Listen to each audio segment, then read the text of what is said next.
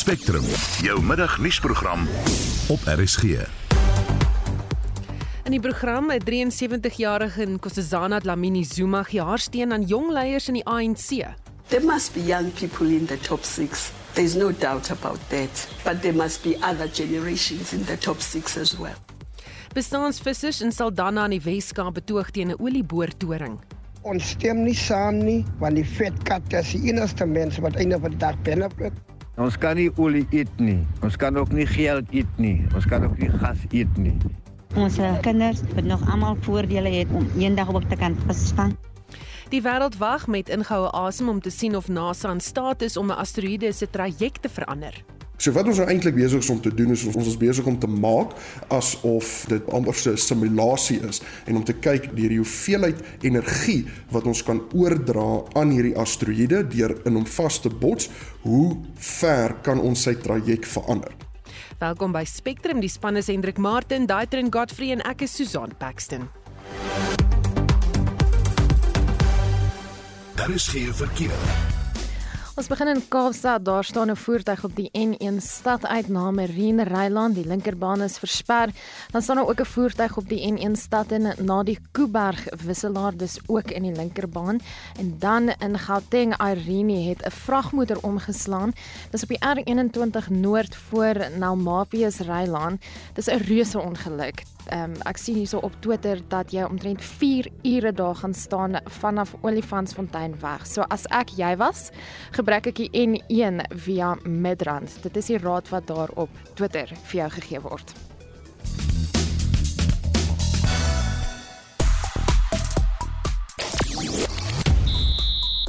In sportnuus vanmiddag Die Amerikaanse presidentebeker golfspan het die kompetisie teen die internasionale span gisteraand vir die 9de agtereenvolgende keer gewen.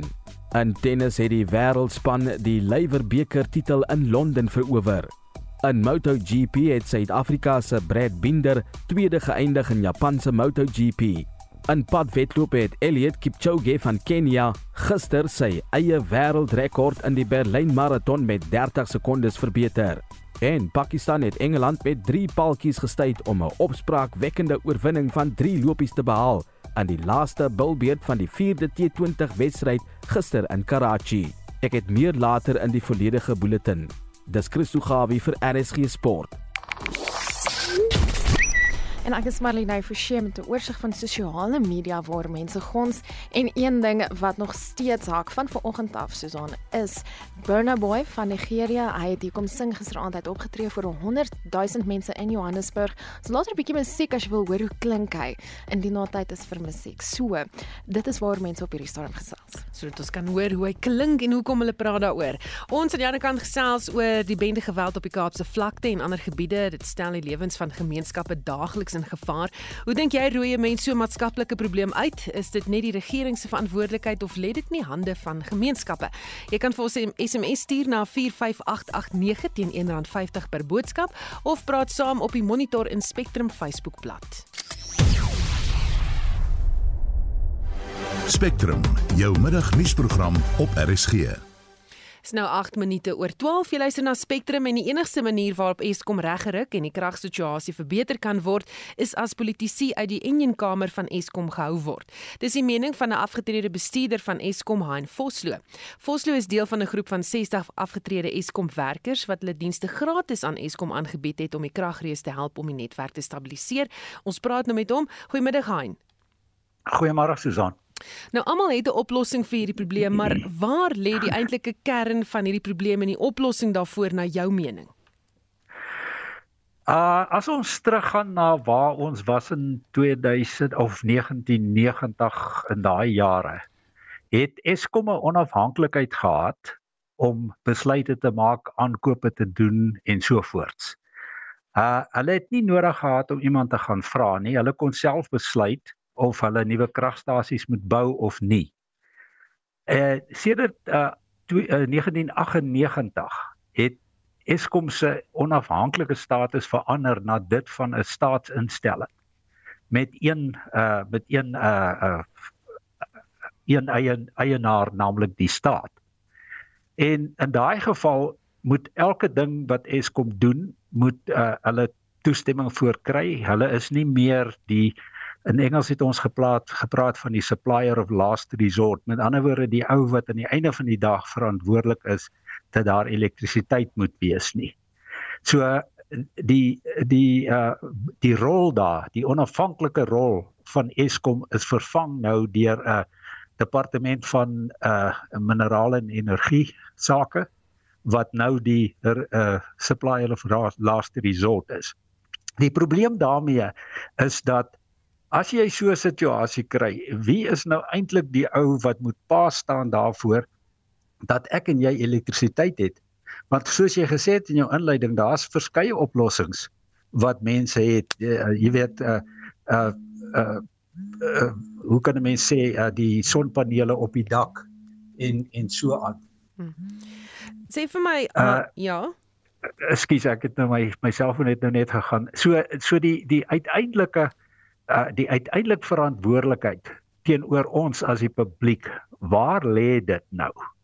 Hmm. En en daai daai rol is nie daai rol is nie baie duidelik Is dit wat die probleem veroorsaak? Die feit dat niemand regtig verantwoordelikheid vat nie. Ek sien minister Gwede Mantashe het ook die afgelope week naweek uitgevaar teen die wat wil hê sy kop moet rol oor die kragprobleme. Hy sê hy is nie verantwoordelik daarvoor nie. Uh so is dit waar die probleem lê. Niemand sê goed, dis my verantwoordelikheid. Ek gaan nou die probleem oplos nie. Ja, presies. Ek moet ek het nou nie die elektrisiteitswet hier voor my nie, maar nou ek onthou is uh, is uh, minister Mantashe is die supplier of last resort.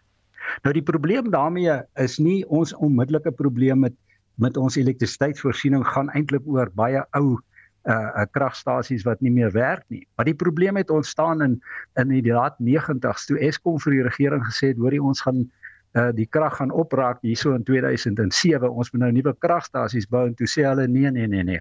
Uh ons sal die privaat sektor kry om dit te doen. Nou my vrees vandag is nou sit ons in 2022. Volgens die departement van minerale en energie sake moet hulle hierso by 2025 nog iets soos 4 of 5000 megawatt beskikbaar stel. En nou praat ons nie eers vir van die vervanging van die ou kragstasies nie. Maar ek sien nêrens iemand wat begin slote grou en fondasies giet in in sulke goed nie uh jy weet al wat ons hoor is ons het nou 'n klompie uh uh verskaffers wat uh vir ons gaan elektrisiteit verskaf en en en so aan. Maar dis nie 'n vinnige oplossing nie. Ergens moet daar iemand wees wat sê goed the buck stops here soos ou ou president Harry Truman gesê het. Moet politici aan hoof staan vir die oplossing van die probleem? Nee allermins politici het 'n het 'n 5 jaar horison Met ander woorde, by die volgende verkiesing kan hy dalk uitgestem word. Hierdie beplanning vir elektrisiteit is goed wat 15, 20, 25 jaar vooruit moet gebeur. Jy weet dit vat 10 jaar as alles reg gaan om 'n om 'n kragstasie te bou. So jy kan nie uh, jy kan nie uh, iemand kry wat wat 'n korttermyn uh, belang het by by die krag nie. En daar's 'n groot stuk sosiale uh, werklikheid aan elektrisiteitsvoorsiening. Aan die einde van die dag is dit mense soos ek en jy die gewone gebruiker wat elektrisiteit he, uh, he wil hê en daar is uh daar is iemand wat moet pa staan daarvoor dat ons elektrisiteit het. Selfs die arme armste van die arme mense moet ook toegang tot elektrisiteit hê. En ek is bevrees dat die privaat sektor gaan nie daai rol speel nie. Iemand anders moet daai moet daai rol speel Haai net so laaste vraag. Julle jy's so 'n deel van 'n groep van so 60 mense wat jy vir my gesê het ou oud werkers van Eskom afgetrede is wat julle dienste gratis aangebied het vir Eskom. Uh, is daar gebruik gemaak van hierdie aanbod?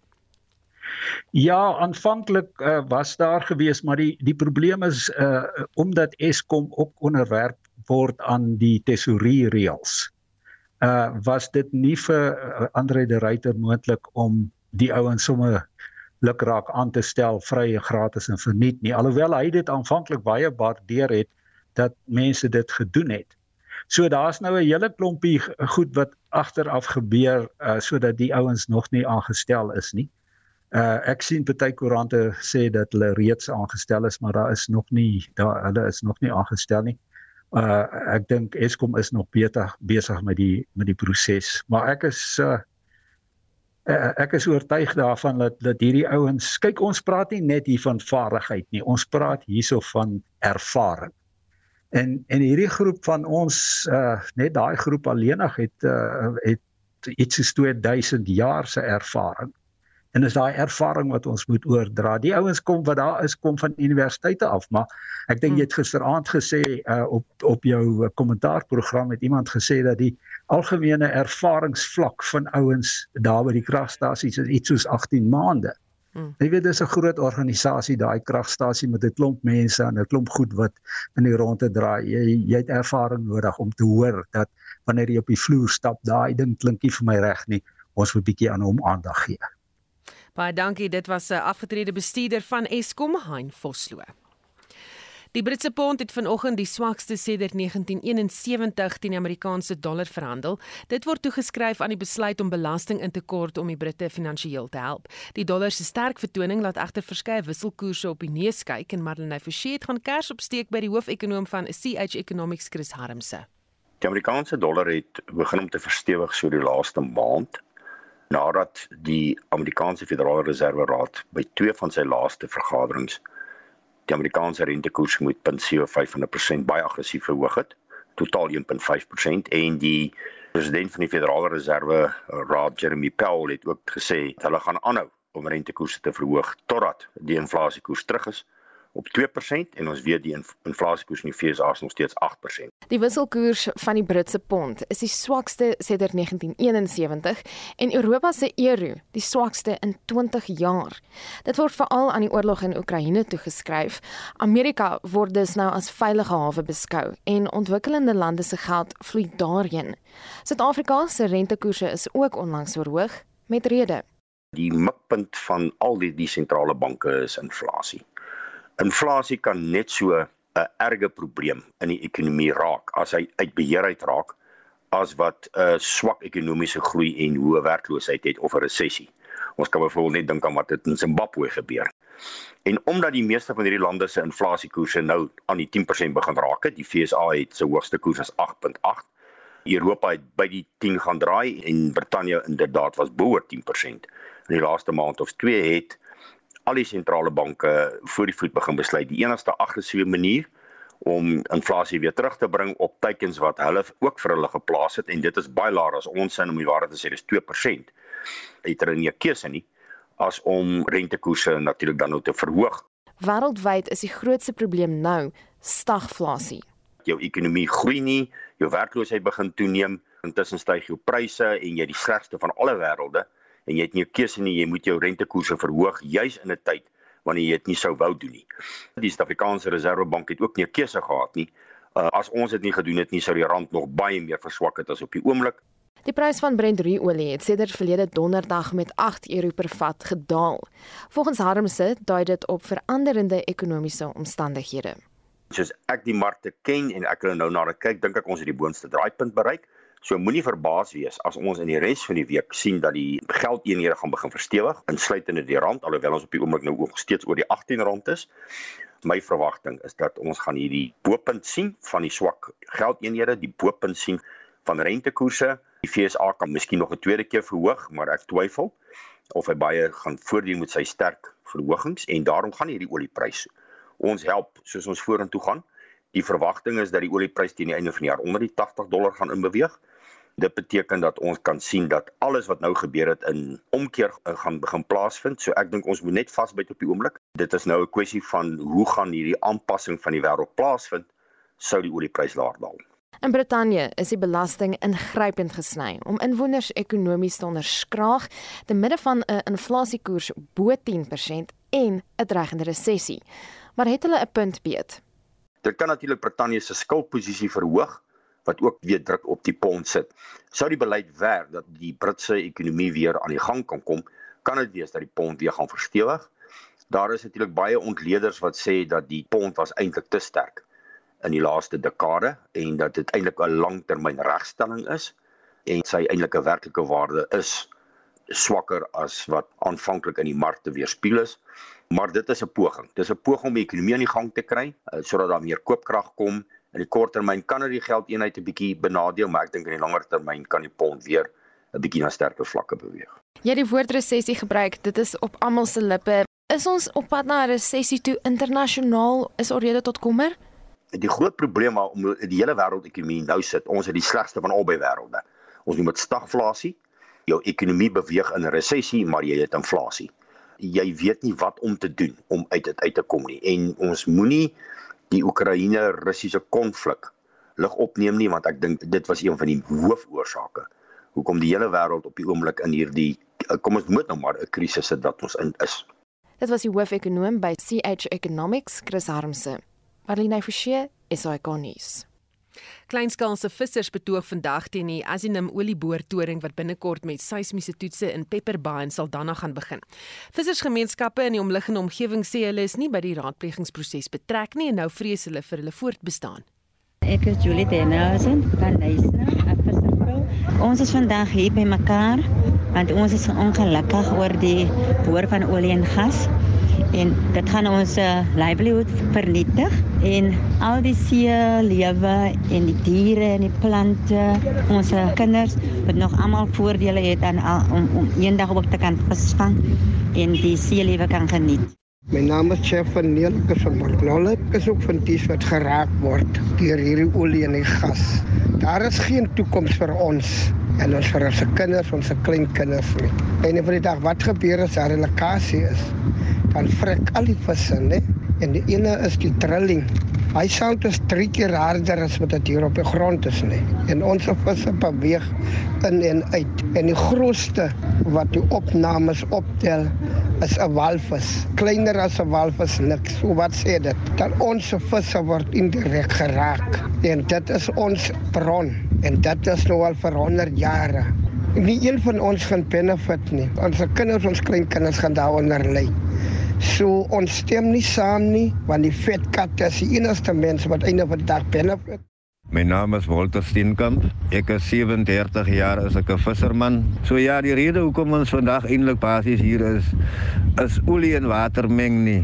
En ons kan nie olie eet nie. Ons kan ook nie geld eet nie. Ons kan ook nie gas eet nie.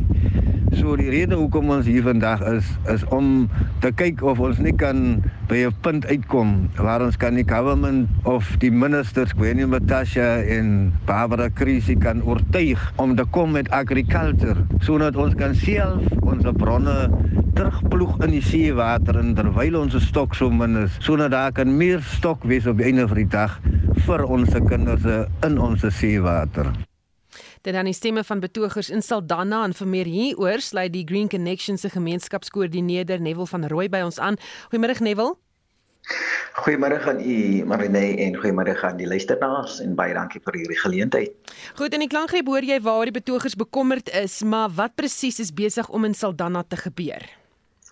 Uh hier in Saldanha self is daar 'n uh, ontwikkeling wat ehm um, geoogmerk word vir die hierdie kragskepe wat hulle hier wil ehm um, kom neerstasioneer wat globaar uh, kragopwekking gaan doen, maar ook gas gaan gebruik wat 'n fossiel brandstof is.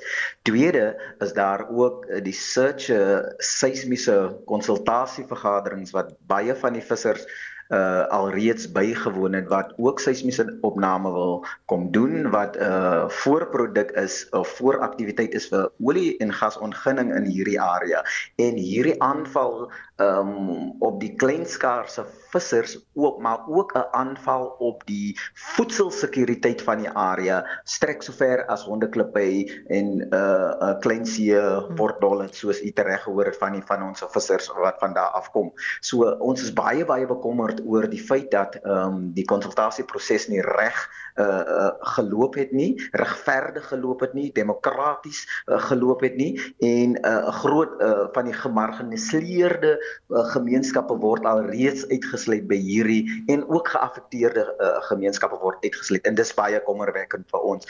Wat ons ehm um, ja. wat meer kommerwekkend is is ook 'n uh, minerale hulpbronne uh, minister wat uh, sê dat uh, olie en vissery uh kan saam uh voortbestaan en uh, ek glo nie dis ooit moontlik nie. Ek glo coexisting of fishing industry and uh, uh uh oil and gas uh, that's not possible. So ek weet nie waar daai idee vanaf kom nie, want uh, hoe hoe leef olie uh, um olie en water saam en hoe leef vis wat in olie en water moet voorstaan. Nee, wil die minister van minerale hulpbronne en energie Gwede Mantashe en die oliereus Shell gaan teen die hofuitspraak verlede week wat Shell se seismiese eksplorasie aan die Willekus stopsit appeleer.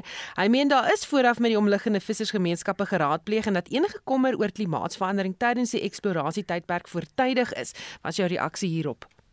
Nee, ek dink definitief nie ek werk uh eerstens met hierdie uh gemeenskappe in die Willekus byvoorbeeld uh uh Kolobeni en in Port St Johns en uh volgens my ervaring was daar geen konsultasie nie. Die eerste keer wat uh, van hulle van Shell byvoorbeeld gehoor het was uit my mond uit en dis nie hoe prosesse volgens die National Environmental Management Act moet doen nie uh, vir geaffekteerde persone uh, in die kusgebied nie. Baie dankie dit was die Green Connection se gemeenskapskoördineerder Neville van Rooi. Die minister van Samewerkende Regering en Tradisionele Sake in Kossazana Dlamini Dlamini Zuma sê sy ondersteun nie die ANC se op sy staan reël nie. Dlamini Zuma gaan president Cyril Ramaphosa in Desember teenstaan om die party se volgende leier te word en het 'n eksklusiewe onderhoud juis hieroor aan die SAIK toegestaan. Volgens haar is die reël teenstrydig met die land se grondwet en Marlene Forsie het meer besonderhede. Dis nie die eerste keer dat Lamini Zuma haar naam in die hoed gooi nie. Sy het ook in 2017 vir die posisie gemik. Sy is deel van die groep wat die reël goedgekeur het, maar nou skop sy daarteen. Die reël bepaal dat alle lede wat amptelik teen strafregtelike klagte te staan kom, op sy staan. Volgens Lamini Zuma is die reël onbillik en skep 'n tweespalt in die party. Where the problem lies is that the country's laws says you are innocent until proved guilty. Then the law of the ANC almost says we are guilty until proved innocent. But even that step aside, the problem with it is that we are charged, you step aside. Three years on, the trial hasn't started. What kind of justice is that? I think for me that is injustice and the ANC must stand for justice because if it's done like this that's what exacerbates suspicions and divisions and people think well this is done to remove people Sy sê verskeie lede het skade gely na die vorige kongres en dat die komende kongres hopelik die skade kan herstel. Die politieke ontleder Dr. Mechi Makgoba neig om met Lamini Zuma saam te stem. Hy sê die opsystaan reël was 'n desperate poging van die party om die beeld te red te midde van 'n vlagkorrupsie aantuigings. Ook hy sê die opsystaan reël verdeel die party. Beurkrag was ook ter sprake in die onderhoud. Lamini Zuma het haar plan uitgelê.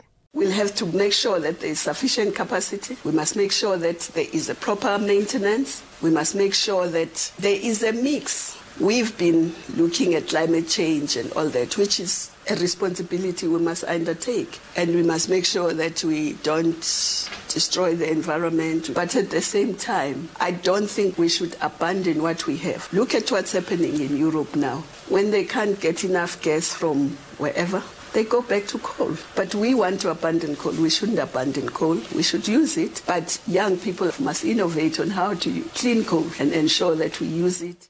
Die verslag deur Ntebo Mokobo, Marlene Forsie, SAK nuus. Ons praat nou ook met professor Theo Venter by die Universiteit van Johannesburg in praktyk aan die College vir Besigheid en Ekonomie. Goeiemôre Theo. Goeiemôre. Hoeveel steun sal sy wen in haar poging om weer te staan as die leier van die ANC met hierdie onderhoud? Nie baie nie. Ehm um, om die waarheid te sê, ek het na die onderhoud sit en luister gistermiddag en ek kon nie glo dat ehm um, die die onderhoudvoerder haar soveel kere eh, laat wegkom met goeie vrae wat hy vra wat sy op so algemene manier beantwoord dat sy nie 'n idee het wat aangaan nie. Nee wat, ek dink op 74 het sy nie staan sy nie regtig 'n goeie kans nie. En as William Kize wel wil staan soos wat sommige takke om nou reeds genomineer het, gaan dit groot verdeeldheid bring in die KwaZulu-Natal se stem wat 'n betekenisvolle omtrent 20% van die konferensie se se afgevaardigdes gaan uitmaak. Hmm. Sy het byvoorbeeld gesê dat daar meer jong leierskap moet wees in die party, uh jy weet om die jong stem te kan trek, maar ook meer vroue en daarom staan sy weer. Ja, dit is ANC beleid. Ehm um, waar hulle die jong mense vandaan gaan kry, um, is iets wat my self 'n bietjie uh, um, stom slaan want die uh, jong mense in die ANC sit almal in die EFF. Ehm um, dis waarheen die ANC jeugliga gemigreer het en die ANC kon nog nooit weer 'n werklik 'n uh, legitieme jeugliga op die been bring nie. So ek dink die verbintenis aan 'n verjongingskuur, die gaan ons oralste hoor in in veldtogte en in kandidaate se name, maar uh, ek uh, ek het maar 'n bietjie twyfel daaroor. Die ANC is 'n baie konservatiewe organisasie as jy na hom kyk organisatories. En ehm um, jy word nie as 'n jong mens werklik geag 'n rol te speel soos wat jy behoort te speel nie. Die die ouderdom waarna mense na kyk wanneer hulle mense begin ernstig neem is uh, bo 50, verkieslik bo 60. Nou goed, op 74 dink ek Dlamini Zuma is te oud en iets anders wat in haar gesprek uitgekom het is die totale gebrek aan energie. Die totale gebrek, ek wil dit amper sê politieke insig. Sy praat, sy is een of twee keer vrae gevra oor goed in die ANC wat skeefloop, waarby sy betrokke is, soos byvoorbeeld plaaslike regering. En ehm um, die antwoorde wat sy vir my, wat sy gee is of uh, 'n uh, soort van 'n tipiese ANC arrogansie wat sê ons kan niks verkeerd doen nie. Ehm um, uh, gee my net nog 'n kans. Ehm um, of sy het nie 'n idee nie. Hulle antwoord op die nasionale vraagstukke van plaaslike regering is nou iets wat in haar departement ontstaan het, die sogenaamde distriksontwikkelingsmodel. En sy het nou gister die geleentheid gehad om dit vir ons ook te verduidelik en ons, wel ek sukkel nog steeds om te verstaan hoe gaan dit 'n verandering aanbring. Hm. Wat van haar standpunt oor die op sy staan reël? Wel, die is redelik algemeen in die ANC, maar ek dink as mens kyk na die geskiedenis van die op sy staan reël wat nie net van nou af kom nie, dit kom 'n hele rukkie was dit die ANC se se meganisme, se metode om die geweldige skade wat sy beeld aandoen op 'n manier te ondervang. En as mens nou kyk na ander politieke partye, dan sal jy agterkom daar is ander politieke partye en ek dink spesifiek aan die DA en so meer en ook Action SA wat baie vinnig optree wanneer 'n kandidaat of iemand in 'n verkose posisie die party die party se naam in in in oneer plaas. Die ANC kon nie want hulle het weggekruip agter die reël jy's onskuldig tot jy skuldig bevind is en die storie van ou John Block in die Noord-Kaap is nou al bekend. Vir jare het die ding aangesleep tot hy uiteindelik in die tronk beland het. So ehm um, dit is die enigste meganisme wat hulle het en dit wat sy nou gesê het gister kan natuurlik net verander by 'n konferensie en as dit by die konferensie verander in Desember dan is dit is dit natuurlik nie terugwerkend van krag nie dis van daar af vorentoe werkend dit wil sê Ysmakashule kan nie terugkom nie En dan intussen het Musi Maimani sy nuwe party geloods. Maak hy 'n fout om die kragte saam te snoer met huidige oppositiepartye nie en sal hy die jongstem trek? Ja, ek twyfel regtig. Ek dink uh, wat ons hier het is 'n is 'n is 'n verwronge ego. Musi Maimani se beste politieke tuiste sou waarskynlik in Action SA gewees het saam met Herman Mashaba met wie hy baie nou bande gehad het toe hy in die DA was. Ehm um, of hy en of daar plek is vir Bosa wie se naam by my ander ehm um, beelde ook uh, opwek, weet ek net nie. En ehm um, ek ek dink nie so nie. Wat hy reg doen is om nou die party te loods so 18 maande amper 2 jaar voor die volgende verkiesing. Gee vir hom tyd maar um, ek weet nie of um, of hy regtig 'n appel gaan maak nie. As mens hom vergelyk met Mashaba Mashaba het 'n ego Mashaba het 'n charisma Mashaba is 'n skare trekker um, ek weet nie of Musi my man nie dieselfde doen nie Baie dankie dit was professor Theo Venter by die Universiteit van Johannesburg in praktyk aan die College vir Besigheid en Ekonomie Jy luister na Spectrum. Elke weekmiddag tussen 12 en 1. In die nuus so wat 2000 afgevaardigdes het in Midrand Gauteng begin aankom vir die Vakbond Federasie Kusatu se 14de nasionale kongres. 'n Gewapende man het in die Russiese stad hefs minstens 9 mense by 'n skool doodgeskiet en verskeie ANC jeugleiers tree op as internasionale waarnemers van die omstrede referendums wat Rusland tans in dele van Oekraïne hou. Bly ingeskakel. Daar is geen verkeer. Ons begin in Gauteng nou in Irene veroorsaak daardie ongeluk op die R21 Noord voor Nalmapies Rylaan reuse vertragings. Ek sien op Twitter daar is 'n 4 ure vertraging van Olifantsfontein weg af en verkeer staan botstil. Op Twitter sien ek mense sit buite hulle voertuie en wag dat die ongeluksterrein opgeruim word. So jy kan dit vermy deur die N1 via Midrand te gebruik. Dis die raad wat op Twitter gedeel word. Dan in Johannesburg staan daar 'n voertuig op die N1 suid voor die Bekloof wisselaar wisselaar. In Pretoria staan daar 'n voertuig op die N1 suid by die proefplaas wisselaar en dan ook 'n vragmotor op die N4 wes na Simon Vermotenweg. En dan in Kaapstad staan daar 'n voertuig op die N1 stadheid tussen die linkerbaan op by Den Paul Rylaan, as ook op die N1 stadheid by Marine Rylaan en nog 'n voertuig wat staan op die N1 stad in na die Kuiberg wisselaar.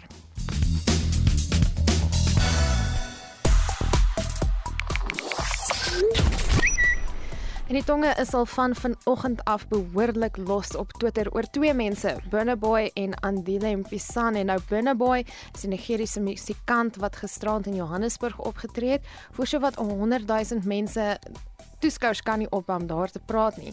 Maar Mpisane is 'n omstrede onderwerp. Hy is die voorsitter en eienaar van die Royal AM sokkerspan en hy het toe sommer gisteraand vir die eerste keer ooit op die veld uitgedraf boonop as die span se kaptein en Twitter gebruikers meen dis uiters onvanpas veral omdat hulle na sy mening oorgewig is en nie eens aan die bal geraak het nie. So van die tweets daar is the first and probably the last one on planet Earth to win a cup as a player, captain, chairman, and owner of the same club. Nog iemand wat spot en sê Andile Mpisane can become a doctor by tomorrow if he wants. So heel wat ontevredenheid daaroor. Jy moet maar 'n bietjie gaan kyk op Twitter wat die mense sê. Ek weet hom nie as dit jou klub is, mag jy seker maak die kaptein word as jy die salaris betaal. Geld kan sekerlik alles koop. Ek hoor hy het baie geld en dis maar 'n gereelde verskynsel. Maar nou lyk sy salaris is op kaptein daar. In elk geval, ons gesels oor ernstige sake, die bende geweld op die kampse vlakte en ander gebiede stel die lewens van uh, gemeenskaplik daagliks in gevaar en ons vra vir jou, dink jy rooi mense so 'n maatskaplike probleem uit. Klom luisteraars of wat al gereageer het en wat sê die gemeenskap het meer mag as die polisie, maar sal nie die dwelmhuise rapporteer tot onskuldige kind sterf nie. Dan is dit kwansy's gangsterism. Dis alles in hoofletters getik. Dan en dis Lady Dorrington eh, van George wat sê Spectrum stuur bendes na die weermag. Daar sal hulle ambagte leer in ons land dien, sê sy. En nog 'n luisteraar wat dan praat oor die kragprobleem waaroor ons ook vroeër gesels het. Spectrum koop vir jouself 'n windkragopwekker. Dit uh, lyk soos 'n vliegtyg se wat noem mens daar die uh, dis nie dis in Engels. Propeller. Propeller, ja, daar's hy. Uh nou gaan ek dit in Engels lees. Dis Ma Ma Marion van Nice wat sê put on a roof or stand it charges batteries. We had one on the farm and we're never short of electricity very cheap to run a breath of wind. That's all that is needed. En Marie wat ook sê, "Haai nee, die verantwoordelikheid lê nie by die publiek nie. Ons betaal en Eskom moet voorsien so Eskom moet reg nie. Almal het die geld om sonkrag te installeer en al die ander planne te implementeer nie meer as die helfte van die land is baie arm mense. Jy kan sê dit saamgesels oor enige van die stories waar ons 'n berig en of oor die bendes en stuur vir ons 'n SMS na 45889 SMS se kos R1.50.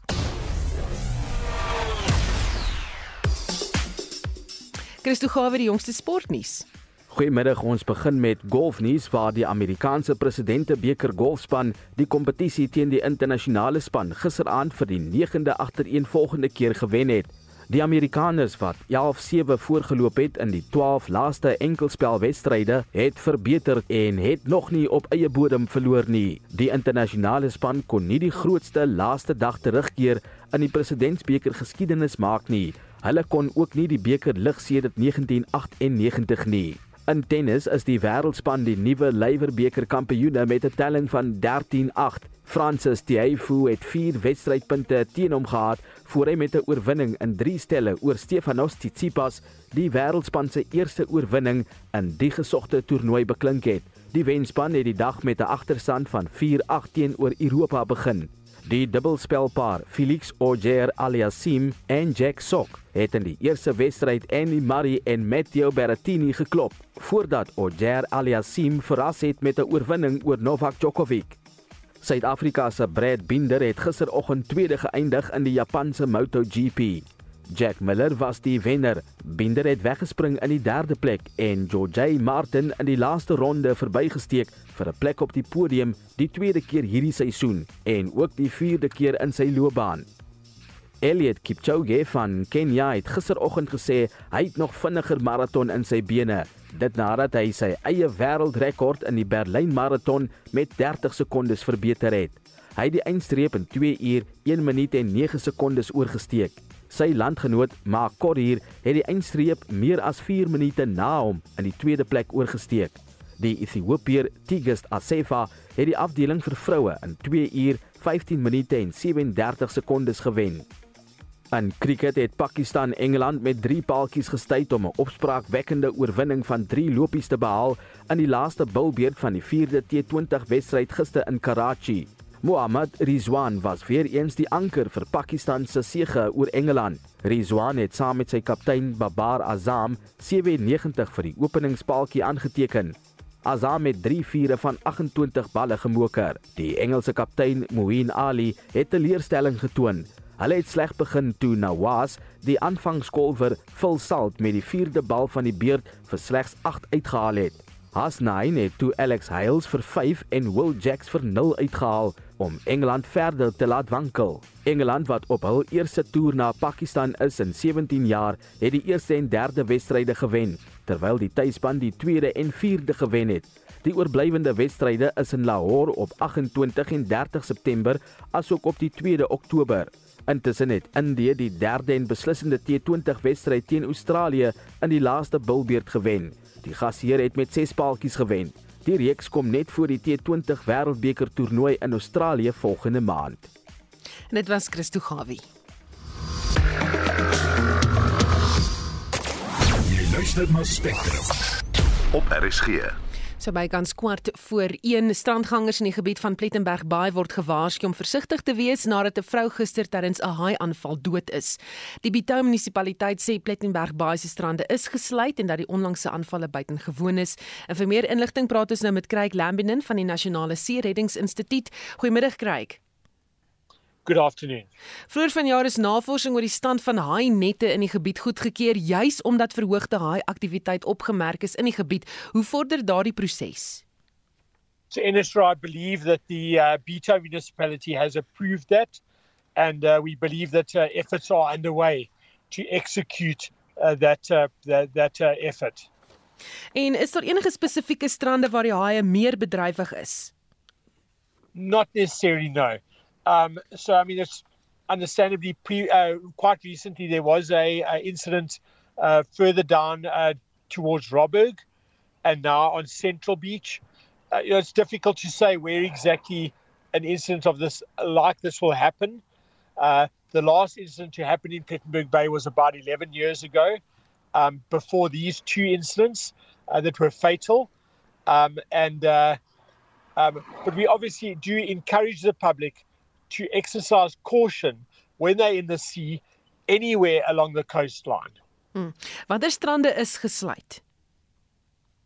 So the the beaches around the beaches around Plettenberg Bay itself have been closed, and uh, a caution is uh, advised to anyone swimming along the southern Cape coastline at present, because there have also been a number of incidents in Jeffreys Bay where um, sharks have been seen uh, witnessed in amongst surfers uh, in, in Jeffreys Bay. So the Southern Cape and probably uh, um, uh, towards the, the Eastern Cape. Um, and that's obviously where sharks are currently feeding. Uh, so that would be a, an advisory for the public to be cautious. Hoe kan 'n mens hulle kontak uh, tydens 'n noodgeval kry?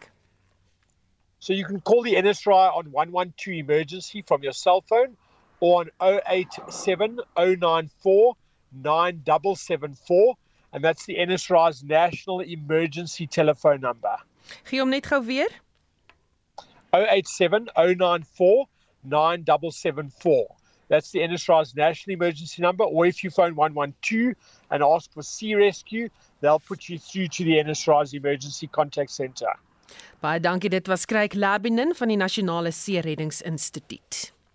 Verskeie lede van die ANC Jeugliga tree op as internasionale waarnemers van die omstrede referendums wat Rusland tans in Oekraïne hou. Die Russiese president Vladimir Putin het opdrag gegee om die referendums in besette gebiede soos Donetsk, Luhansk, Kherson en Zaporizhzhia te hou. Die Weste en Oekraïne het die uh, referendums veroordeel en ons praat hier oor met professor Antoni van Nieuwkerk aan die Nisa Setabo Mbeki Afrika Skool vir Internasionale Betrekkinge. Goeiemôre Antoni. Goeiemôre Susan. Waaroor gaan hierdie referendums? Ehm um, okay, dis dis 'n jy moet die ANC jeugliga vra. Ehm um, maar wat wat my aanbetref is dit 'n poging van ehm um, Rusland van Putin om die om die gebied wat hulle by Oekraïne afgeneem het in die oorlog te konsolideer en dit deel te maak van Russiese grondgebied wat een van die oorspronklike strategiese doelwitte van Putin was of nog steeds is uh, en dit val saam met uh, jy sal onthou uh, in 2014 'n paar jaar gelede het Putin in Rusland die Krim skiereiland weggerokkel van Oekraïne. Daar was ook 'n referendum gewees en mense het skynbaar om jy weet uh, oorweldigend ges gestem om om deel te word van Rusland en dis wat toe gebeur het. Dit word nie eintlik in die internasionale reg erken nie maar die praktyk op die grond is dat die Russe is nou in beheer van die Krim en hierdie referenda uh gaan ook oorweldigende steun aandui om aan te sluit by Rusland en uh, binne 'n paar weke dan sien ons die internasionale grens gaan skuif. Uh en Oekraïne gaan 'n bietjie inkrimp as ware en Rusland gaan dan beheer oorneem van die sogenaamde wegbreekrepublieke. Uh weer eens dit sal in die Verenigde Nasies bespreek word en ek dink die Veiligheidsraad en almal sal sê dit dit is dis uh kontra internasionale reg en proses. Dis uh dis uitbuiting deur 'n oorlog en dit kan dalk ehm um, teruggedraai word jy weet in die toekoms as daar 'n vredesproses aan die gang kom Nou die ANC jeugliga lede in stryd met die res van die wêreld het die referenda goed gepraat. 'n Lid van die jeugliga het ook glo gesê dat 80% van Suid-Afrika ondersteun Rusland in hulle stryd teen Oekraïne. Wie is hierdie jeugliga lede wat daar is en waar kry hulle hulle inligting? Ja, dis 'n dis 'n interessante verwikkeling. Ehm um, uh mens dit is eintlik onverwags van die ANC het 'n internasionale aangeleenthede uh, uh, uh lesenaar uh of afdeling uh of kantoor as jy wil wat wat die ANC se internasionale verhoudinge koördineer wat baie keer saamval met die van die regering en baie keer nie. Ehm um, die ANC sal byvoorbeeld baie meer ehm um, geleide maak oor sê maar Palestina of of Kuba of Venezuela uh, of Noord-Korea selfs en so aan. Trouwens, hulle besoek hierdie lande waarvan ek nou praat. So dit is deel van die uh, van die regerende party se se se ideologiese oor uh, oor uh, oortuigings. En ehm um, die ANC jeugliga is eintlik in verval en word probeer her herskep of her her her reis uit uit die dode as ware. En in hierdie proses het hulle 'n taakspan aangestel om hierdie uh, proses te dryf. Daaroor kan mense ook gesels of hierdie taakspan met daai spesifieke lede werklik waar die die jeugliga aan die gang gaan kry, maar ek twyfel sterk. Nou hierdie ouens lyk dit vir my hierdie ouens, ek bedoel hierdie mense, hierdie spannetjie. Ehm um, is heel waarskynlik deur die Russe uitgenooi hier by ons, die ambassade. En sê maar ons is ideologies, ons is deel van die BRICS dampkring. Jy weet, kom neem deel aan hierdie uh, aan hierdie proses. Uh, ons maak asof julle onafhanklike waarnemers is. Dan kan julle 'n bietjie kredietwaardigheid aan hierdie storie gee, maar ek dink ons weet almal wat die storie is. En so dis eintlik 'n bietjie van 'n van 'n uitbuiting van 'n van 'n groep uh jong men, jongerige, jongerige mense wat nie heeltemal uh op datum is met wat aangaan in die wêreld nie. En dit is eintlik skokkend vir een van hierdie lede wat 'n uh, 'n plaaslike regeringslid is van een van hierdie munisipaliteite in die Oosrand dink ek of die Wesrand om te sê 80% van die mense ondersteun ondersteun hierdie proses, hierdie referendums. Daar's geen basis uh vir hom om so iets te sê nie. Baie dankie. Dit was professor Antoni van Nieuwkerk aan die Nisa se Tabo en Bekkie Afrika Skool vir Internasionale Betrekkinge. 'n NASA vuurpyl wat deur die buitenste ruim beweeg sal binne die volgende ure met 'n asteroïde bots. Esie de Klerk berig dat volgens NASA as die dubbele asteroïde herleidingstoets genaamd DART die eerste van sy soort om 'n eksperiment soos die uit te voer. 5 4 3 2 1 0 Ignition. Top 9 with the DART mission on on the way for humanity's first ever planetary defense test mission.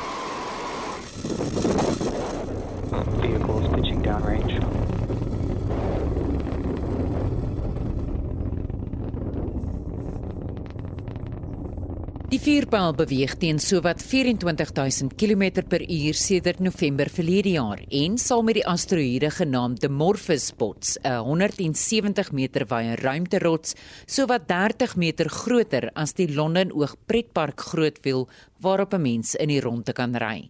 Dr. Roan Stein van die Sentrum vir Ruimtenavorsing aan die Noordwes Universiteit verduidelik wat die doel van die eksperiment is hierdie DART projek soos wat hy bekend staan is eintlik maar net om 'n tipe van 'n verdedigingsmeganisme te toets waar die aarde en die mense op aarde hulle self kan verdedig teen 'n asteroïde. So ons weet uit die geskiedenis van ons sonnestelsel sien ons baie bewyse, ons sien baie leidrade dat asteroïdes reg oor ons sonnestelsel voorkom. Op hierdie oomblik is daar meer as 'n miljoen asteroïdes wat om die son wentel en van hulle kan deur die pad kruis, die wentelbaan van die aarde kruis. Ons sien hoeveel kraters is daar op die maan. Ons sien ons hou asteroïdes dop oor die algemeen en tot dusver was ons nog baie gelukkig dat daar nie eintlik 'n groot asteroïde die aarde getref het nie, alhoewel ons weet dat in die verlede van die aarde was al wel asteroïdes wat groot impak gemaak het op die aarde. Die hele doel agter hierdie DART projek van NASA is om te kyk is daar 'n manier hoe ons onsself kan verdedig teen 'n asteroïde wat sê nou maar vir argumentsonthaalwe in die baan van die aarde of op 'n ten minste 'n botsingstraject is met die aarde. En dan wat hierdie DART doen is hy bots homself teen die asteroïde en probeer dan die wentelperiode of die wentelbaan van daai asteroïde net 'n klein bietjie anders maak, die periode 'n klein bietjie meer maak of minder maak en dan daarmee saam dan die traject te verander. Stein verduidelik hoe die eksperiment sou kon help om asteroïdes wat moontlik die aarde in die toekoms kan tref van hul botsingstrajecte te laat afwyk. As ons nou spesifiek kyk na die DART projek, is daar 'n binêre asteroïde, twee asteroïdes geïdentifiseer wat 11 miljoen kilometer weg van die aarde af is. So daar's daarom absoluut geen risiko wat ingehou word vir die mense nie. En dit is nou waar dit getoets word. As daar 'n asteroïde in die rigting van die aarde sou kom, sou die idee wees dat ons die tegnologie ontwikkel en dit is wat DART nou toets om te kyk of ons dan 'n vuurpyl kan opstuur en dan wesentlik die vuurpyl of die projek of die satelliet binne in die asteroïde inbots en dan te kyk of jy dan nou sy traject kan verander sodat hy nie meer op 'n botsingstraject is met die aarde nie. Wat kan verwag word wanneer die vuurpyl die asteroïde tref? As ons kyk na die asteroïde wat hy nou besig is om te teiken, dis 'n binêre stelsel. Dit is twee asteroïdes wat om mekaar wentel, as 'n groot een en 'n kleintjie. Nou DART is op hierdie stadium gemik om die kleintjie wat om die groot een wentel in hom vas te bots. Op hierdie stadium is die wentelperiode van hierdie klein asteroïde omtrent so net minder as 12 ure. Dis 11 ure 54 minute. En wat ons voorhoop is dat wanneer DART nou in hierdie klein asteroïde vasbots, dat hy daai wentelperiode sal verander of ten minste sal verlaag met 10 minute. En as hy hom sal verlaag met 10 minute, dan is daar grootskaalse impak oor die traject van hierdie klein asteroïde om die groter ene. So wat ons nou eintlik besig is om te doen is ons is besig om te maak asof dit 'n uh, amper so 'n simulasie is en om te kyk deur die hoeveelheid energie wat ons kan oordra aan hierdie asteroïde deur in hom vas te bots hoe ver kan ons sy traject verander?